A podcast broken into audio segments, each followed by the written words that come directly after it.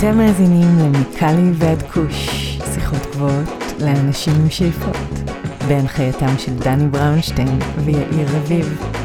הנה, הנה זה מגיע.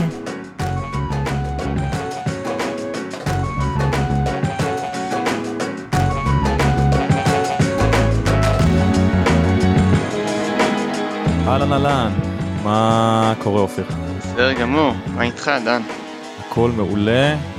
אז היום יש לנו אורח בשם ניק וולטרס, אורח שאתה חיברת לי אותו, ועם ניק דיברנו על נושא לכאורה קצת פחות סקסי, המפ תעשייתי, אבל אה, נושא שהוא צובר המון תאוצה ופופולריות בשנים האחרונות, ולא רק על ידי פריקים והיפים למיניהם. אז עם ניק דיברנו על הפוטנציאל הגדול שגלום בהמפ תעשייתי, האתגרים שבדרך, ועל הסאב קטגוריות שכדאי מאוד אה, לשים לב אליהם ולהשקיע בהם בשנים הקרובות. אז אני מציע שנעבור לפרק ונקשקש קצת אחרי, מה אתה אומר? נשמע מצוין. מעולה, אז זהו ניק וולטרס. Nick Walters, good morning or good afternoon. How are you doing? I am very well. Thank you so much. Give us a sense of geography. Where are you in the world today? Well, I am in the southern United States, in case you weren't able to pick up on the accent, right? So I'm, uh, I'm uh, headquartered in central Mississippi, uh, which is where um, our National Hemp Growers Cooperative is headquartered out of. Oh, wow. Yeah. Speaking of Mississippi, is cannabis legal in Mississippi? Yes. Well, it is for medical. And so um, medical marijuana uh, passed by an initiative, which is instead of our state legislature uh, voting it in, uh, people went into the ballot and you know signed a petition and said we want to put this on the ballot. They put it on the ballot and it passed like 80% or something. It was some huge number. Uh, but, it, but, but it's limited to medical. Got it. Well, we're here today to talk more about hemp rather than cannabis. But before we dive deep into this interview, tell us about your professional journey or background, if you will, and what led you into the hemp industry. Unfortunately, part of my background has been in politics, so that's something that you uh, might need to worry about a little bit. But you know, we kind of put that in the same category sometimes as a used car salesman or uh, you know others like that. I was appointed by then U.S. President George W. Bush to run the United States Department of Agriculture that were that was headquartered in my home state. Every state has a director for certain uh, economic development programs from USDA. So our USDA at U.S. Department of Agriculture handles not only things that you would think of like crops and you know looking over um, imports of you know of food and flowers and such as that, but it also uh, can, works for rural areas for economic development for housing and water and infrastructure such as that. So I got appointed uh, to that position in uh, March of 2001, and I stayed until fall of 2006 under my appointment. And one of the areas that that particular agency covers has to do with the development of cooperatives. And so that's where I learned a great deal about rural economic development as well as about cooperatives. And the more I got exposed to the hemp industry, the more I started to think hey, there really is a need for a, a national cooperative uh, of industrial hemp growers. And that's what got us started. So, what's the National Hemp Growers Cooperative on a high level? Well, it is a, a member owned group. Uh, I'm not sure how many of your uh, listeners may be familiar with a cooperative model, but this is one where the members own the corporation uh, and they have an equal say so in how the corporation is governed and how it operates.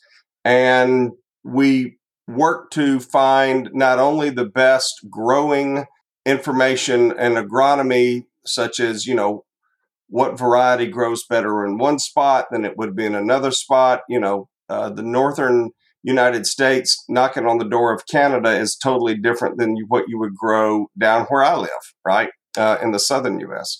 So, depending on what crop variety will grow and where it is and what the what the end use is, we are developing facilities throughout the US to process industrial hemp.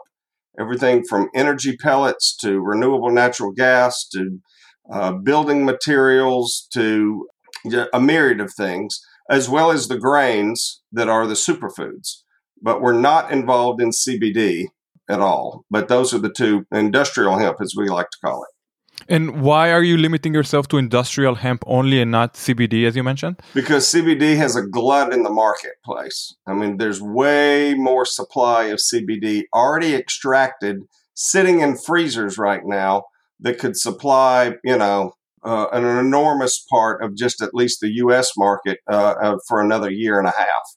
So there's a there's a real bad taste in the mouth of a lot of our farmers uh, who got burned uh, in the CBD business is one part. The other is, you know, every um, the Food and Drug Administration as a part of uh, a United States agency, you know, that governs all the food and the drugs that we are able to put into our bodies as well as into animals who we would turn around and eat, right?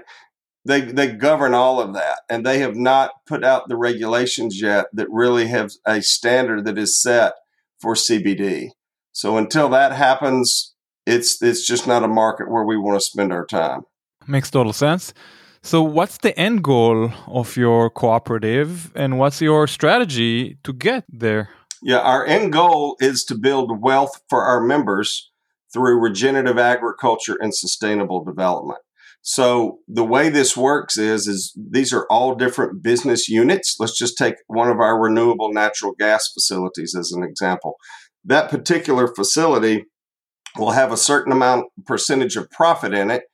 Uh, at least it better have a certain amount of profit in it, and and that that profit then comes back to the full cooperative, and our shareholders are able to uh, participate in that particular in that amount of revenue. It gets done in a pro rata share that, that is dispersed back to our members. But it doesn't mean that you have to be growing the hemp that would go into that renewable natural gas facility or into the textile facilities or into the um, process other processing facilities.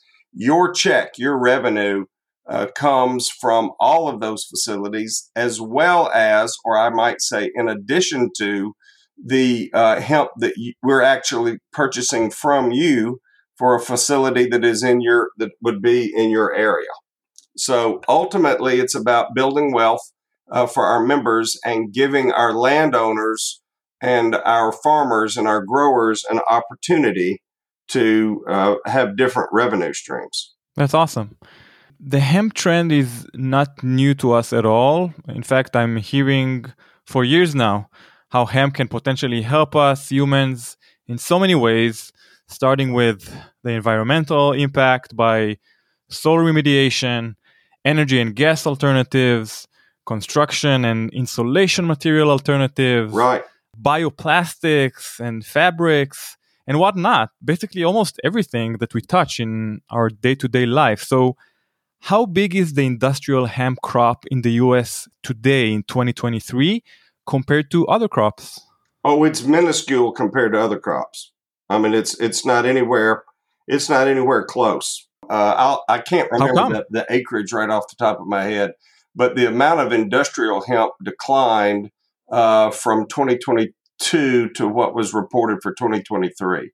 And part of that is is because there aren't enough processing facilities, which is something that we're certainly trying to work towards very hard to make sure that there are more of them uh, of processing for that. So, and who's responsible? It sounds like a, a, bottleneck that basically doesn't allow you to expand your business. Because some of it has been the technology on the actual uh, what we you know as we refer to it decortication uh, that actually separates the outer uh, bast fiber from uh, the inside core of the hemp plant of the hurd and some of that technology has has been slow to develop it certainly is caught up a lot. Uh, and then part of it is the marketplace. Say, let's say, for example, Levi's jeans. Okay, uh, there have been several conversations that that many folks have had with Levi's who have said, yes, we would be glad to have hemp fiber put into some of our processing for some of their clothing line. But the amount of hemp that they need in order to get started, or that an automotive manufacturer would need to get started to really get their production where it needs to be, there's kind of this chicken and egg thing. And we, we have to keep in mind that this entire industry has only been legal for about four years, a little over four years. So to think that so just could, to clarify, industrial hemp was illegal before what 2018 or 2018, and and what we call through the United States Congress, we call it a farm bill. Uh, it is a, as a bill, as in uh, as a piece of legislation. So Congress only takes up agricultural issues every four or five years in what we call a farm bill. So if you want to change something in agriculture, like making something illegal or making something legal or changing how we plant or changing how we process or changing you know, what GMO seeds we get, you know whatever anything that has to do with agriculture which includes forestry as well you have to wait until a farm bill comes uh, before that train comes into your station so to speak and so you can't okay. just go create your own train so uh, the 2018 Farm Bill moved industrial hemp off of the uh, drug list down to the open list where, where it could actually be grown uh, and took the federal uh, restrictions off of it.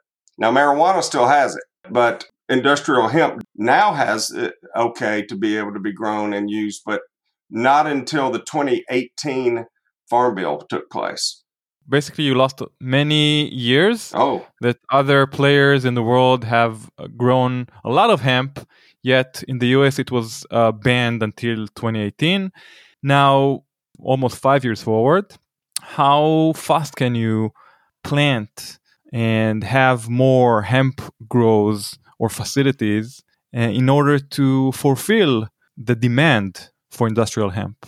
My guess is is that we are probably maybe three years out from where we'll really be able to get the capacity. This so, in other words, in three or four years from now, you'll be able to go back to Levi's and say, "Hey, guys, now we have enough hemp to fulfill your demand." Yes, and, and and that that assumes that Levi's is willing to work with us as we grow to that spot and go to that place. You mentioned earlier about all the different things that industrial hemp can do, and you're correct. It can do so many things, but there's only, you know, I've heard it said that hemp could be used in over, you know, 1500 different uses or 5000 different uses or way out numbers. But the reality of it is, Dan, only only about 20 of them will make you any money. And so hmm. if you can't process in a way where there's going to be an end use market that is going to purchase it, then you know we're just not interested in exploring it for just for fun, right? Or just to try right. to figure it out. So, what's the top five? I'm curious to know, like in terms of uh, monetization or making enough money for uh, those industries. What are the top five industries that you see hemp penetrate and disrupt the market? Uh, I think the top is uh, certainly for the superfoods, the proteins, the grains that are at the top of the of the hemp plant. That certainly is proteins is one. I think the second is for building material because we don't have okay. to wait on some big agency like the Food and Drug Administration to approve it for so building material insulation like that that would be and there's a lot of movement that's that's taken place on that uh, uh, in the U.S. Uh, renewable energy is a huge piece. Uh, hemp gives off about 80 to 85 percent methane in a biodigestion process. And so we're super interested in all of that. Uh, I think in uh, textiles and okay. then I think in bioplastics. Those are the five that I, I, would say the bigger categories that, that we've got the most potential with. So fueling my car with hemp gas won't happen most likely because it won't be. I mean, it won't make any financial sense, right? Oh no, it'll make financial sense uh, uh, eventually. But then again, probably EVs or electric cars will uh, dominate the market. Right, unless then. you're using unless you're using hemp for um, graphene, and it's a great use for graphene. You can make graphene with it. What's graphene? Sorry, can you No, graphene is is part of the microparticles that are used in making lithium batteries and a myriad of other things. Oh. Yeah, so it's got some potential there. Nice. So, what is the federal government approach towards industrial hemp after they legalized it? And do they give any incentives to hemp growers or otherwise? Uh, not yet. Um, hemp growers can participate in some of the federal government programs that could be around the, the, the way of actually processing, but it's not there yet. Okay, I mean it's it's uh, and they're not subsidized like let's say cotton or corn or soybeans or wheat or any of that. There's none of those subsidies yet, so it's it's still too early on. I, I would say that most of the larger production agriculture, what I'm talking about, the big farms, right? The, the, the people that would say, who you and I might think of as the farmer, right? Instead of somebody who is a landowner who has maybe five or six acres who would like to do something with their hemp. The, the, or do something with their land, and hemp might be a, a, an option. The big farmer i'm talking about seven eight nine ten thousand acres right? Multi generations multi-million dollar businesses. Those entities those kind of farmers really have not grabbed on to hemp yet. I think they will uh, whenever they understand that there's a mature enough market because a lot of those big farmers like that dan they would grow you know popsicle sticks if you told them it was going to make them some money, right? Sure. Or, or they grow, you know, uh, fill in the blank, use whatever it is you want to call it, right? As long as you could show them how much is it going to cost, the inputs, how much money am I going to make on the back end?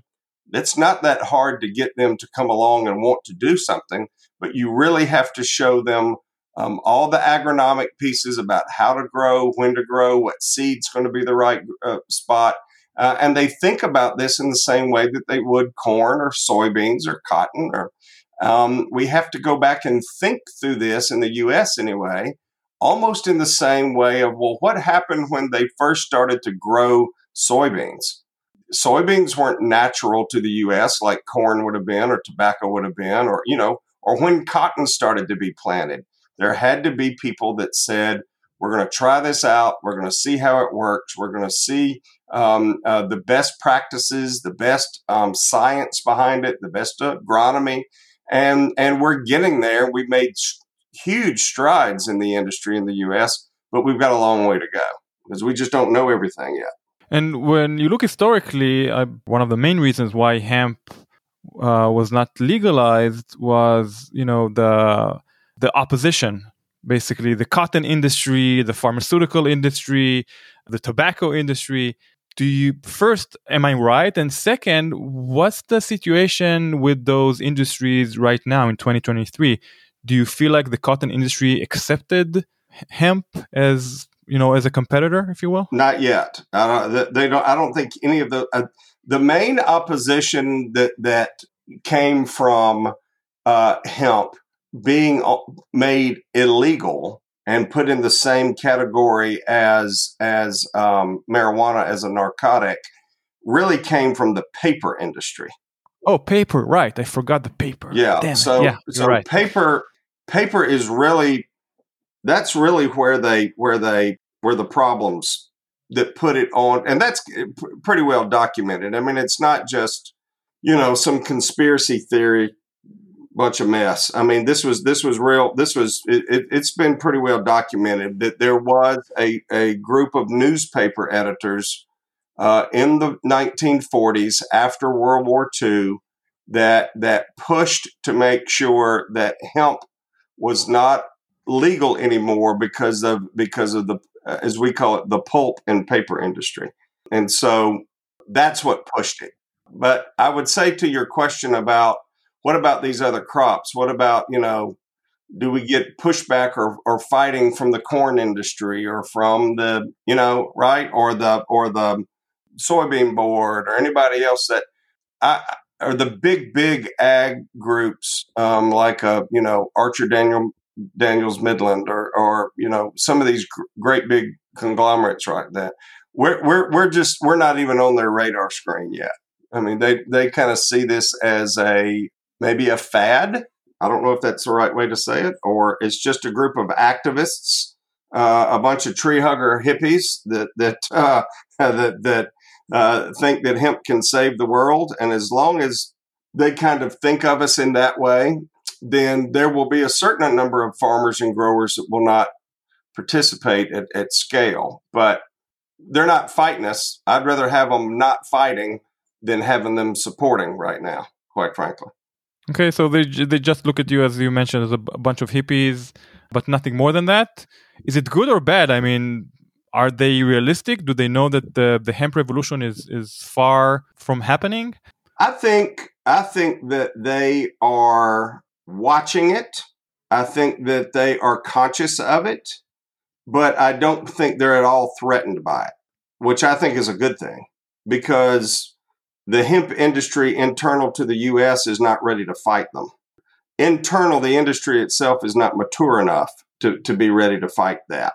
That, we, we, we're going to have to come together as as one group, you know, and just as so that your listeners would understand, you know, we have all these constituency groups, right? That are that are are vertically aligned constituency groups like the Corn Growers Association, the, the Cotton Council, the mm-hmm. Soybean Board, right? I mean, these people, while they're all in agriculture, they are only fighting for what is their one, you know, sure. their one crop, their one thing. And they've got a lot of influence and they've got a lot of, they've got lobbyists and they've got, you know, but there's one of them. There's only one, you know, Corn Growers Association. There's not 15, there's not three Corn Growers Associations, there's one. And right. so when that lobbyist comes in to speak to a member of Congress uh, and says, hey, we really think you should vote yes on this or no on this bill or whatever, um, they know that that lobbyist is speaking for thousands and thousands of acres of corn. Uh, right now, we've got one group that speaks about CBD and says, well, we really don't have anything to do with industrial hemp. And the industrial hemp folks say, oh, well, you know, we don't really have anything to do with CBD. And both groups are saying, oh, no, we're really not marijuana and cannabis. Don't put us in that bucket. So, yeah. If, if they tried to fight us right now, I, I don't know if we could bring everybody together, you know, to, to uh, in a soon enough time. So um, there's still a lot of maturity that needs to happen on the, on that level. But back sure. to your kind of your and your question about about whether they see a, a threat in us. I don't think I don't think those big industries see a threat in us yet. If they are um, interested and can see where, for example, hemp is a really good rotation crop, right? Because it it, it helps to remediate the soil, not replenish it. Yeah. Now, if you took hemp and turned it into biochar as an additive back into the soil, absolutely they could see the value of that. But sure. but um, so we start to get into carbon credits, right? And let's keep in mind the cannabis hemp plant is called a weed for a reason, right? It, I mean, it's sure. it grows very quickly, and because it grows so quickly, it that means it needs more carbon to grow. And so as it grows and it and it and it sequesters, it brings in it it it it's, it uh, uh, drinks up that carbon out of the atmosphere, then that's what makes hemp very attractive for carbon credits. So it could very well be that that what happens eventually for the big big farms, right, is that they start to see, hey, I'm not just a hemp farmer any more than I'm just a cotton grower or more than I'm just a, you know, a soybean grower. If I can put hemp into my rotation, which they can, and I can see the value that hemp is bringing to my soil, which is their greatest asset, right? Uh, and then uh, also remediating the soil and making that in a very positive way. Well, that's the kind of things, as we might say, that their light bulbs come on. I think it's going to take a while. And, and, and I think when something happens when let's just go back. We'll keep using Levi's. Okay, we'll keep picking on them. That that when the they start to see that Levi's has just bought X tons of of um, processed hemp fiber because they're going to now start putting that into a hemp cotton blend line of clothing. And I'm just kind of making this up, Dan. So don't hear me say that that's about to happen. But they start to see that it starts to get their attention, uh, and it starts to ha- say, well, you know, this thing really may be something real. This is not just a, it's not a fad, and and and so that's uh, again part of the the, the maturing of the industry uh, that will come too. Got it. So for someone who isn't invested in the hemp space yet, what's the best subcategory in hemp to invest right now that has the most potential to grow dramatically in the next, I don't know, two to five years? I would say renewable natural gas, without question, because the demand for renewable natural gas is is not going away, and and not only is it not going away, it also is increasing exponentially every year. Uh, uh, some of the statistics that I've seen have been millions and millions of, of, of BTUs, right, of a British thermal unit of heat of energy, right? That that because you can take renewable natural gas and do so many things with it. For example, turn it into crude oil, which could then be made into gasoline, or that you could use it for jet fuel, or that it could be it, it could be turned into biodiesel, or that you could just use the gas itself for uh, running um, electric power plants. Uh, the need for renewable natural gas is just goes up and up and up. And currently, at least in the U.S., I don't know enough about across the world, but currently in the U.S., most of the renewable natural gas is getting created through um, uh, waste streams. So through at landfills and garbage dumps and and animal waste, where there are huge cattle uh, uh, feedlots, right, or huge pig farms. No, I know that's not anything your listeners are, are too worried about, but but um, those big, you know, cow poop gives off a ton of methane, uh, and capturing that, putting them into biodigesters. Uh, but they've all it, a lot of it has been from a waste stream. So when we start to think in a different way, to say, well, what about growing a crop for its energy use? A crop that is also remediating the soil and also is sequestering carbon. Let's start planting some of that and growing it that way. There's a lot of interest to that. Plus, and it takes a while to be able to create a renewable natural gas facility.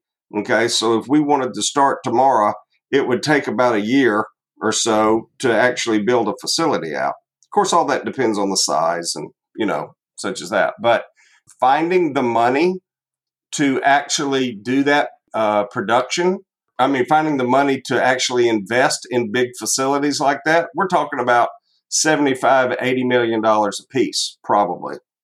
And as soon as I say that, somebody will come back and be some smart aleck that'll tell me 15 reasons why that's wrong. But but it's it's in that neighborhood. Finding the money for for for uh, financing those larger facilities is um, is not that difficult. What's interesting and where people have an opportunity that want to participate in something like this is being in on the production of, of a facility before it actually launches. So that's a large part of what we do at the co-op is we give people not just our members but others as well who would enjoy uh, participating in something like a renewable natural gas facility. So, what type of climate or otherwise soil is the best for hemp cultivation? Or is it different from cannabis in this regard? No, I don't think it's that. There, there are different varieties of hemp that will grow in better in different in different climates. And a lot of it has not to do even with climate. It really has to do with the amount of sunlight. So, for example, we are um, exploring right now. We're not in it yet. Uh, we haven't pulled the trigger, as we would say. But we're exploring about working with some tropical varieties of uh, hemp and developing the right tropical variety because there's not enough daylight or control. I should say, excuse me, the other way. There's too much daylight, and and hemp will flower quicker if you don't watch it. So you really got to be paying attention to what you're doing uh, in order to be able to get the right variety there. So it's not a matter of whether it will grow or not. Again, it's a weed, right? There's very few places where it won't grow. The question is not is not will it grow. The question is how well will it grow. It's not survive, it's thrive, right? Where will it really do well? Uh, which variety does very well in which part of the world? So let's just take as an example. Of course, you have to get your globe out probably to just kind of compare to this. But the upper United States, it is very close to Canada. The further to Canada you go, the better that is for uh, grain production. So wheat okay. and corn and, and particularly wheat. Let's just use that as an example. The further south you go towards the equator, the less opportunities there are for grain to do well because it's a climate issue. Okay, well, if I'm trying to grow hemp for proteins, I'm probably not going to South Texas to grow it there. Right. Because it's just not going to grow today. Now, the genetics may change, right? But as of right. today, that's what we got. So, because it will grow almost anywhere, um, and there are, by the way, some mis some misinformation that got out somewhere along the ways that said that hemp didn't need um, water or it didn't need any fertilizer, which is, you know, it's a plant. It's got to have water and it's got to have fertilizer, but uh, it doesn't need as much water as other plants do. So when you when you start to look and say where will it grow, it'll grow dang near anywhere. What it what it won't always do is thrive in that particular location, and that particular location and climate may restrict how well it does. I mean, I could get a I could get a plant to come up, but just because it comes up out of the ground doesn't mean it's going to grow into what I need it to be. Do I need it to have a certain length? Do I need it to have a certain circumference? Do I need it to to not get too high, but get, or do I need it to get real tall? Uh, all of those things factor in, and the things that really factor into it is what am what's the end use going to be? I mean, what what am I going to do with the crop once it's grown? What am I going to make out of it? And and you don't see that with cotton. Let's just say as an example, right? Cotton grows, it does well where it grows, and we pretty much know what you're going to do with the cotton once you pick it.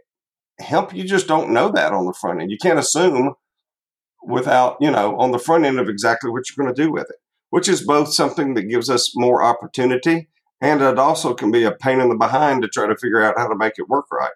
Sure. So I've read that you guys are also you also use cannabis waste for various industries. How is cannabis waste compared to hemp and where do you get it from?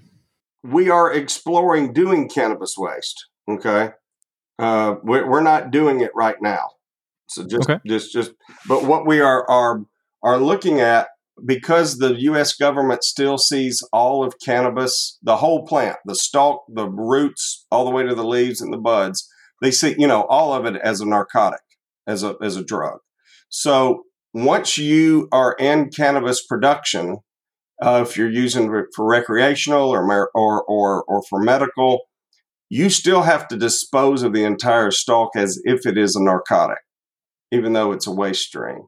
So some states, and that's and that changes from state to state. There's no one federal regulation, but right now they're either putting it in, in a landfill, in a garbage dump, or they're burning it. And we think that's a really silly use of that waste stream. We would rather see them put it into a natural, a renewable natural gas facility, uh, and let us be the deposit. Let us receive the cannabis waste instead of it going to a landfill and uh, we're working on that. Interesting, very interesting. If you don't mind, I want to move to some personal questions. Sure. So, do you use hemp or otherwise cannabis yourself in your day to day life? Um, I use uh, CBD Yeah, I've, I've, you I've, do. mhm. How, how do you use it? I And- use and it why, for. I've got some lower back pain that I uh, have had an ongoing, you know, issue with, and I tell you, when I use it, it really, really, really makes a big difference in my lower back pain. In like addition to things a- like a tincture? Do you smoke it? Do No. you eat it? How how do you never, use it? I've never smoked marijuana. Okay. Nope, it's just it's a topical. It's a Okay. topical cream, and I just you know, as much as my out of shape fat self will let me reach to that part of my back where I can where I can put it on there. But I don't. I rarely have any trouble falling asleep, so I don't need it for that. But I know plenty of people. My wife does. My wife uses it from time to time uh, as a gummy uh, before you know if she's thinking that she might have some trouble falling asleep. Yeah. Nice. So, what other categories excites you the most in the hemp or cannabis space? You mentioned renewable energy as one of them. What else? Well, because again, it will do so many things. We're involved in textiles. We are involved in uh, fiber production that can be used in nonwovens and in other materials like that. We are also very interested and are moving uh, forward with a company uh, out of Germany, uh, which is headquartered out of Germany, that is a pellet manufacturing uh, group. They actually make pellets and they pelletize all kinds of different material. And right now, a, a lot of that pelletized material is with uh, trees, with pine trees, and they are making those into energy pellets that are going into biomass fired power plants in Europe uh, and in Asia. Um, so we're starting some uh, uh, research and development. Uh, actually, this month we're beginning some R and D to see. Okay, might we know hemp gives off great energy? How do we pelletize that in the right way? How do we grow it in the right way? How do we chop it up in the right way? How do we uh, how do we process it? Could we blend it with uh, wood waste or with wood uh, as well with that type of fiber? What happens to it? Can it be?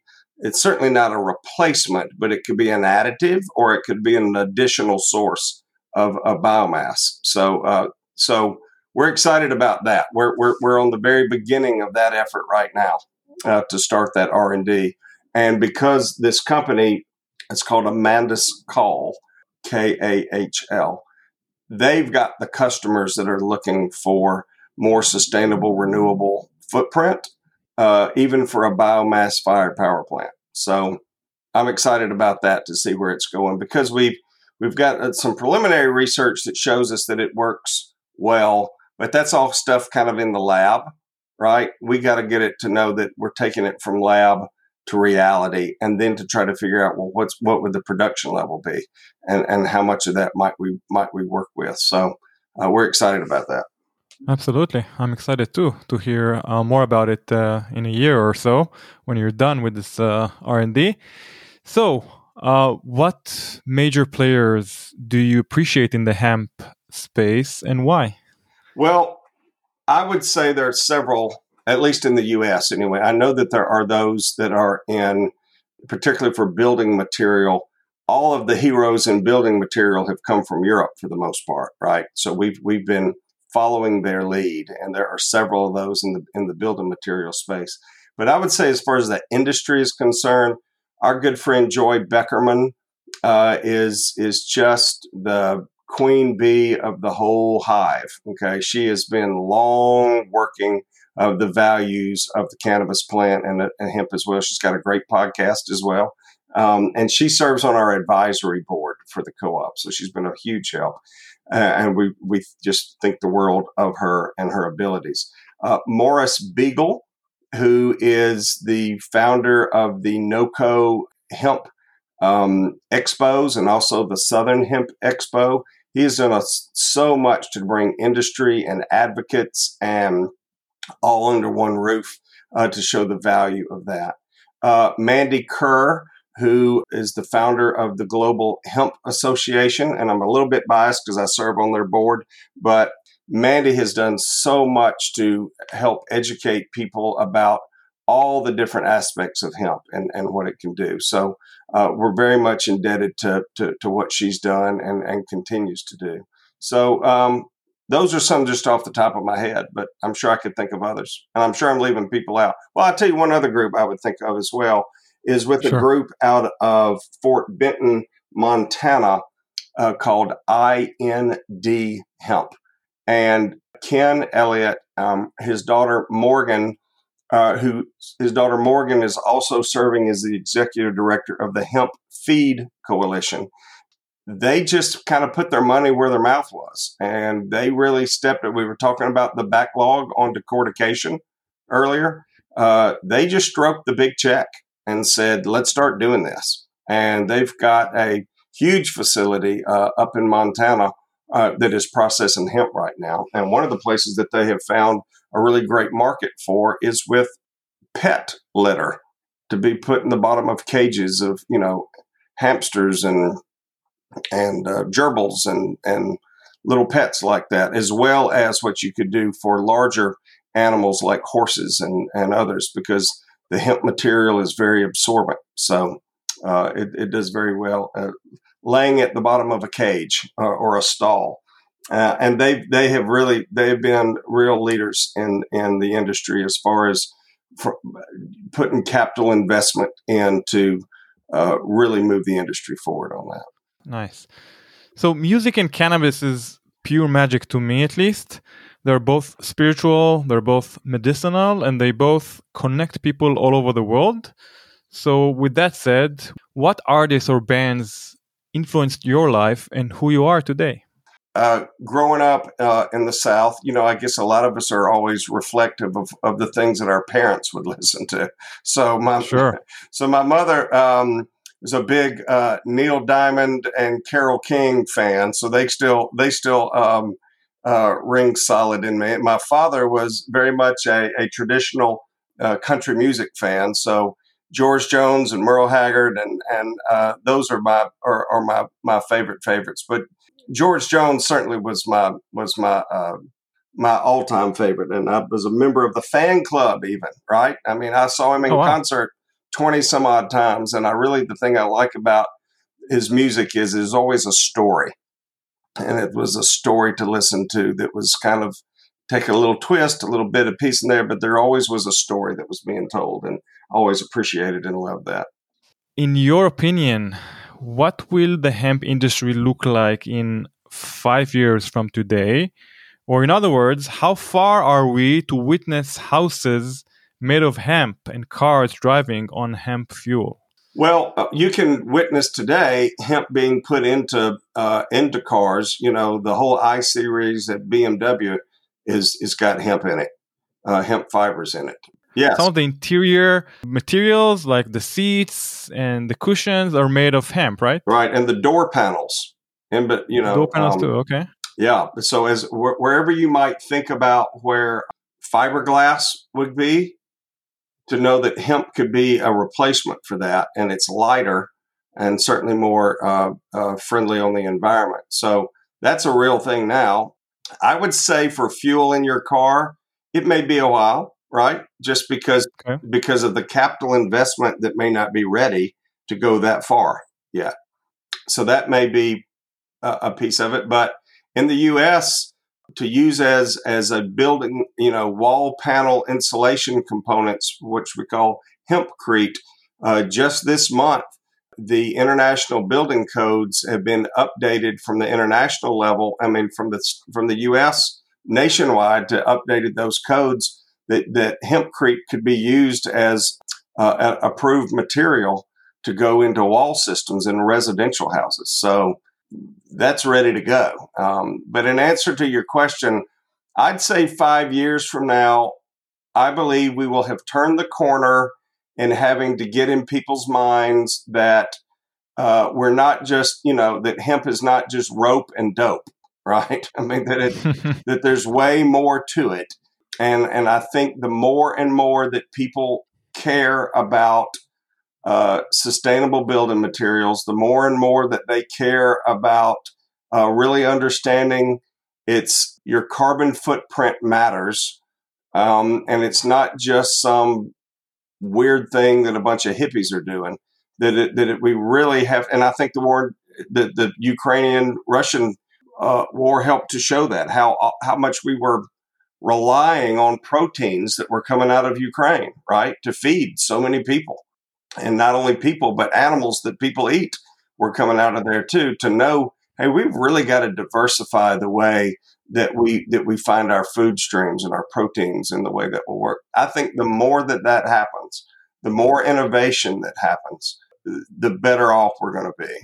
Uh, it's just oh, one of my little heroes. I forgot to, uh, little, not little, but one of the heroes I forgot to mention is Chad Rosen at Victory Hemp Foods. I mean, they have created a hemp protein that has no smell and no taste to it. So if you don't really like the kind of earthiness taste that a hemp hemp hearts might have, but you want the the the good work that hemp that it can bring to the table, it's a really cool opportunity to be able to, sure. to use it more and more. So great. Sounds lovely. Nick Walters, thank you again for being here today. Before we wrap up, how can our listeners follow your work and the co- cooperative, whether it's online or otherwise? Yes, well, um, our website is National Hemp, H E M P Hemp Co op, C O O P. That's all one word. National Hemp Co op.us. And uh, we're about to restructure our website and make it a little bit more interactive. Um, uh, within the next couple of weeks. But there's a way that you can get on our mailing list and learn more about what we're doing. Uh, there's contact information there as well. So if somebody thinks, hey, I might really like to invest in some of those things, or I'm interested in following this genetics path that you might take for tropical, you know, seed and others like that, we'd love to connect with you. And of course, we're on all the social media stuff. Um, on LinkedIn and, and Instagram and all that jazz. So you can find us there as well too. So Awesome. Nick Walters, thanks again for being here today and good luck in the future with both the cooperative and in your personal life. Thank you, Dan. Thanks for the opportunity. אוקיי, okay. אז זה כאמור היה ניק וולטרס, אתה מכיר את הבחור די טוב, מה דעתך על, על המפ, על ניק, על הפרק, you name it. Um, אני מכיר את ניק ואת ה-National Hemp Co כבר כמה שנים. אני חושב, אני מוצא את זה בעצמי מאוד מעניין, מה שהם עושים, אני חושב שזה בסוף חלק מאוד גדול מהתעשייה הזאת, תעשיית הקנאביס שאנחנו מסתכלים על הרפואי, מסתכלים על recreational, מסתכלים על ה-wellness, ויש את האינדסטריאל, שהוא הולך להיות ענק. אותי אישית זה מאוד מעניין לאן זה ילך, הוא הזכיר המון את האנרגיה, שזה הכיוון החזק, אני, הבטון תמיד אה, מאוד משך אותי. אתה מתכוון תחליפי בטון, או תח... כל מיני חומרי בנייה למיניהם. המקריט, מה שנקרא. עם המפ. אה, מאוד מעניין אותי אם כבר יש בארץ אנשים שמתעסקים בזה ומביאים, כי אני יודע שזה אה, לא כל כך מפותח בישראל. אז כן, אני מסכים איתך, זה כביכול חלק מהתעשייה, אבל מצד שני גם לא חלק מהתעשייה. כשאתה מסתכל על הפן התרבותי, אין שום קשר בין אה, עישון קנאביס או שימוש בקנאביס למטרות, למטרות פנאי או אפילו מטרות רפואיות לבין הם תעשייתי שעושים ממנו בגדים, חבלים, חומרי בנייה, דלק כאמור, הרבה מאוד דברים. אז מבחינה תרבותית אני מרגיש שאין הרבה מאוד uh, ממשותף. הדבר היחידי שקשור, וזה קשור היסטורית, גם דיברנו על זה קצת בפרק, זה הסיבה בגינה אסרו על שימוש בהמפ ומוצרי קנאביס across the board, שנקרא בתפוצה רחבה בארצות הברית, לכל שימוש שהוא. היסטורית אנחנו יודעים, אני דיברתי על תעשיית הטבק, תעשיית האלכוהול, תעשיית התרופות, בתור האויבים העיקריים של תעשיית הקנאביס וההמפ, אז נכון, הם תמיד היו שם ואף פעם לא תמכו בתעשייה הזאת, עד לאחרונה. לתעשיית הנייר היה הרבה מאוד, בוא נגיד הם התחילו את המלחמה נגד תעשיית הקנאביס ותעשיית ההמפ בתחילת שנות ה-20 של המאה הקודמת, אבל היה בחור אה, די גואלי בשם אה, ויליאם הרסט, אה, שיש, אה, בנה טירה ענקית כאן בקליפורניה, הרסט אה, קאסל למי שמכיר, ובכלל זו דמות מאוד מוכרת, הוא היה אל עיתונות כאן בקליפורניה, והוא היה אחד האויבים המרים של תעשיית הקנאביס, וכאמור גרם לזה שקנאביס יצא מחוץ לחוק. קנאביס וכאמור המפ. האמת גם ניק העלה אז... עוד כמה אויבים מעניינים, שהוא לפי מה שהוא אומר עוד לא סופרים אותו, ובשלב מסוים כנראה שגם התעוררו, שזה הגריינס. אז אני חושב, ש... אני חושב שזה איפשהו באמצע. מצד אחד כבר לא מסתכלים על כל פעילי ההמפ כ... כאותם היפים שדיברנו עליהם לפני. בכל זאת מדובר ב... גם בחומר שהוא כבר חוקי.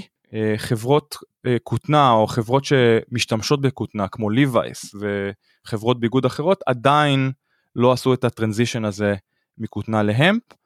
לא להגיד שזה לא יקרה לעולם אבל אני לא חושב שאנחנו עדיין רואים את, את, את האור בקצה המנהרה. יש הרבה מאוד דיבור הרבה מאוד הייפ אבל בין זה לבין אה, להטביע חותם ולהחליף או להיות אלטרנטיבה לחומרים כמו כותנה דלק וחומרי בנייה הדרך לדעתי עוד ארוכה אנחנו עדיין לא שם. הוא דיבר על בין שלוש לחמש שנים שיהיה איזה נקודת מפנה. אני טוען שזה אולי קצת יותר מזה. מה אתה אומר? אמ, דרך ארוכה אבל נראית מבטיחה אני חייב להגיד אני, אני שומע רק דברים טובים על ההמפ אני מאוד מעוניין לשמוע את הדברים הרעים כלומר למה, למה לא מאמצים את זה? למה המקריט לא נמצא בכל מקום כבר אם הוא חומר שהוא לא שריד, הוא יותר קל ויותר חזק? אני חושב שהוא ענה על זה ואני חושב שכדאי בשיחה הזאת להפריד בין שני נושאים עיקריים אוקיי? כשאנחנו שומעים על המפ אנחנו שומעים אותו. בעיקר בהקשר הסביבתי בשורה תחתונה זה צמח שעוזר לסביבה בהרבה מאוד מובנים. הנקודה העיקרית פה זה שזה אם לא אם זה לא כלכלי אוקיי אז הדיבור הזה על איכות סביבה הוא דיבור בעלמא הוא דיבור תיאורטי כי כולנו רוצים uh, ש, שהסביבה שלנו תהיה uh, טובה יותר ונקייה יותר, אבל בסופו של דבר זה עולם קפיטליסטי שמתנהל על פי כלכלות, אוקיי? ואם לא תהיה כדאיות כלכלית בהשוואה לכל החומרים האחרים שהזכרנו, כותנה, דלק, חומרי בנייה, לא יהיה לזה שום סיכוי להצליח. דרך אגב, באנרגיה בעצם משתמשים בזה בשימוש כפול, כי אפשר בעצם בביומאס אחרי להשתמש בו שוב. יש פה תהליכים כפולים שמשתמשים באותו ביומאס, שנשאלת השאלה נכון. למה אנחנו לא משתמשים גם בכל השאריות של הקנאביס. גם בתעשייה נכון. הרפואית בישראל היום משקיעים בלשרוף את השאריות במקום להשתמש בהם. זה כן נוגע לתעשייה שלנו. כי הצמח הוא אותו צמח, זה אותם uh, סיבים חזקים שיכולים, uh, אפשר להשתמש בהם לבנייה, שאפשר להשתמש בהם לפלסטיק, שבעצם uh, הפסד כפול.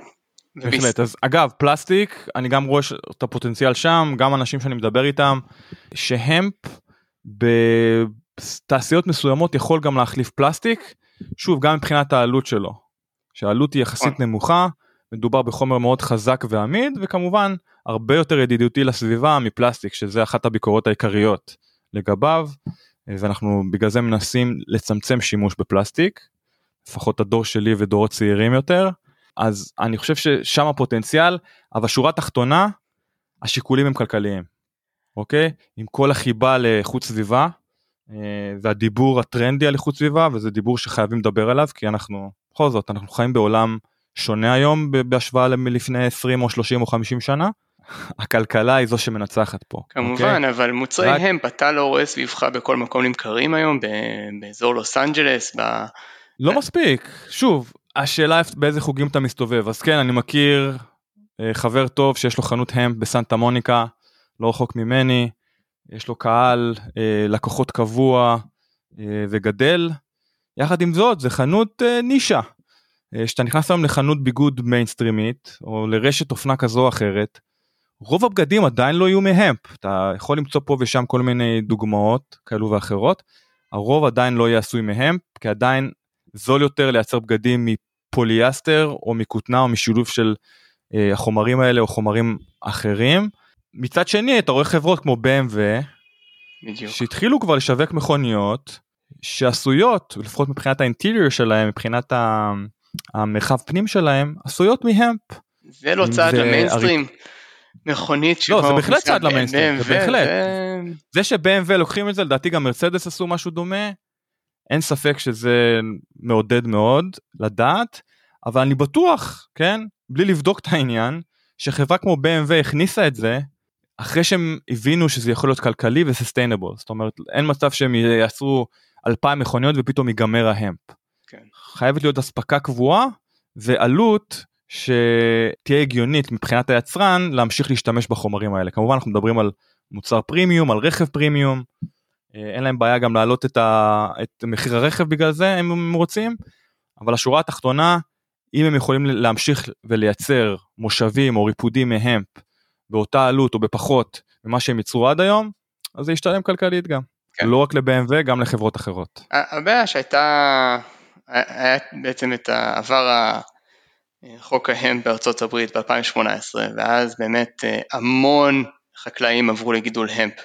across the board ב-US וייצרו כמות היסטרית שמספיקה לפחות לשלוש שנים לארה"ב לפי הערכות של אז ואז לא היה מי שיקנה את הסחורה כי הם פשוט ישבו. אתה מדבר על CBD כרגע ספציפית וזה אחת הבעיות העיקריות שהוא הזכיר בפרק. נכון התחלנו לדבר על זה לפני ההקלטה שזה בעצם זה אותו דבר הם גידלו אינדסטריאל הם שאתה יכול למצות אותו שאתה יכול לקחת אותו לכיוונים אחרים הצמח הוא אותו צמח כלומר, גם אם יש בו אחוז יותר של CBD, הוא יכל באותה מידה גם ללכת לתעשייה.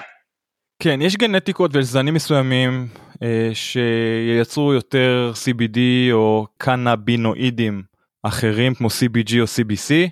ראיינו בזמנו את ניצן לוינסון אה, שמגדל המפ ביוון.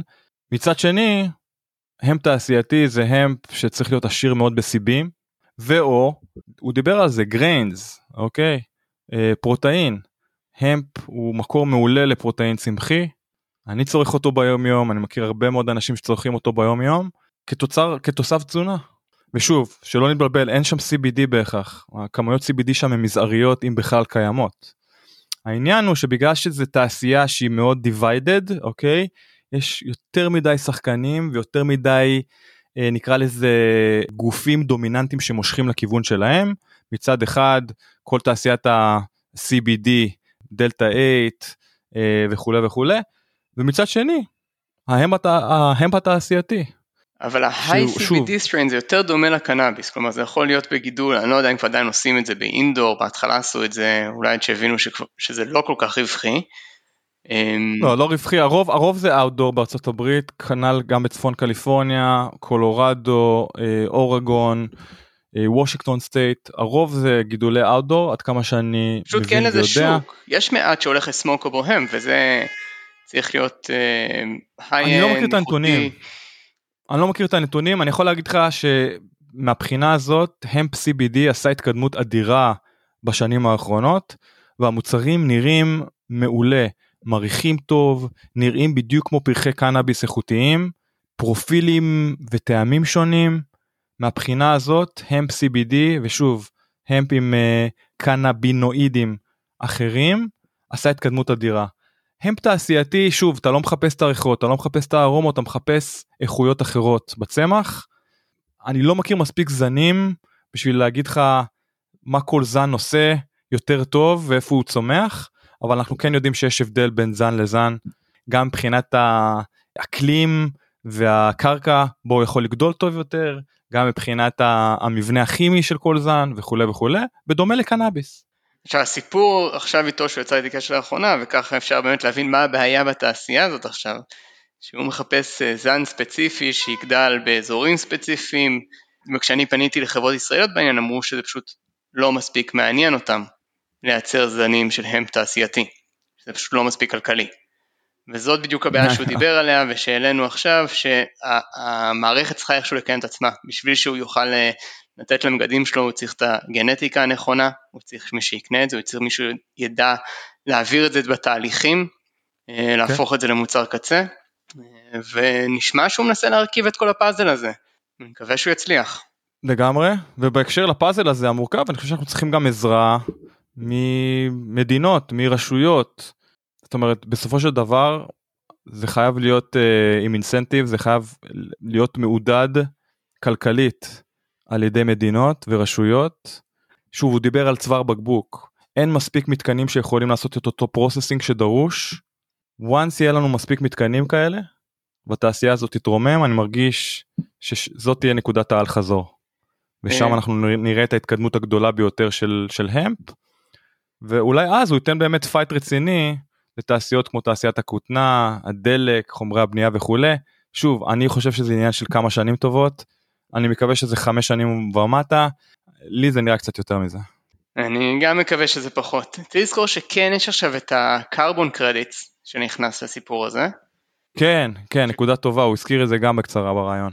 כן, שקצת נותן את הדחיפה הסביבתית, ונותן כן. סיבה להרבה חברות גדולות כן להיכנס לזה, וזה, אני חושב, מרגיש שזה סוג של הייפ היום שכל חברה שנייה מנסה למצוא את הדרך אה, להראות שיש לה רלוונטיות, אני לא מספיק מבין איך זה עובד, אבל שם באמת ההמפ מאוד רלוונטי.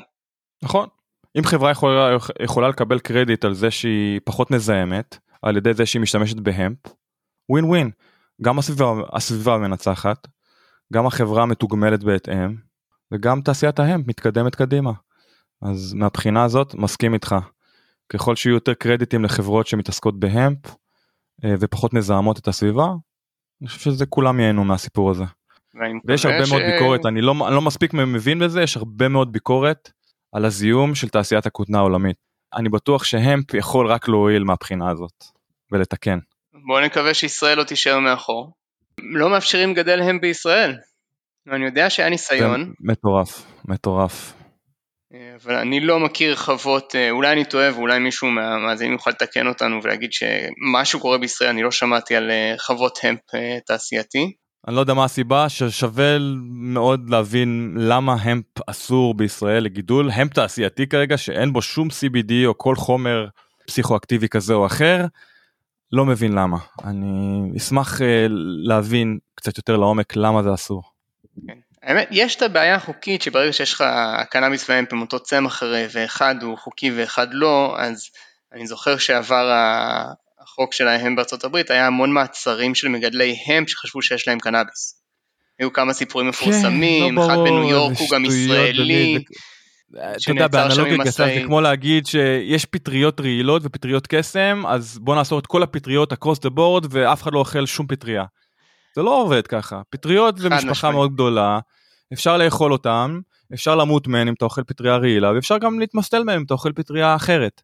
אז גם המפ וקנאביס זה משפחה מאוד גדולה ומורחבת שאי אפשר לשפוט אותה רק על פי, אתה יודע, קורת גג אחת. יש פה הרבה מאוד משתנים, חומרים כימיים, גנטיקות, טעמים, ריחות, צורות. זה כאמור משפחה גדולה ואי אפשר להכליל אותה באותה קטגוריה מה שנקרא. זה השני סנט שלי. נכון. זה היה כאמור ניק וולטרס על המפ תעשייתי, נושא שלא נגענו בו יותר מדי בעבר. שוב תודה רבה אופיר שהצטרפת אליי היום ונאחל לכולם שבוע טוב בינתיים. שבוע מצוין, תודה רבה דן. תודה שהאזנתם לתוכנית. אם נהניתם ממנה ומהאורחים שהבאנו לכם, נשמח אם תדרגו אותנו בחמישה כוכבים. כל דירוג או ביקורת חיובית יעזרו לנו להמשיך להביא לכם את האורחים הכי שווים בתעשיית הקנאביס. יש לכם הצעה לאורח או נושא מעניין?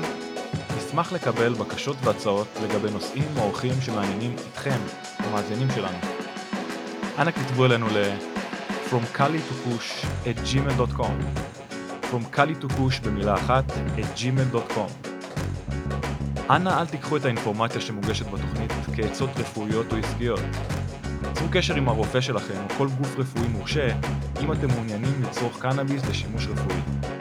התוכנית נעשית מתוך אהבה ותשוקה לצמח הקנאביס, אך אינה מעודדת קנייה לא חוקית של מוצריו. תודה על ההאזנה, נשתמע בקרוב. צ'או.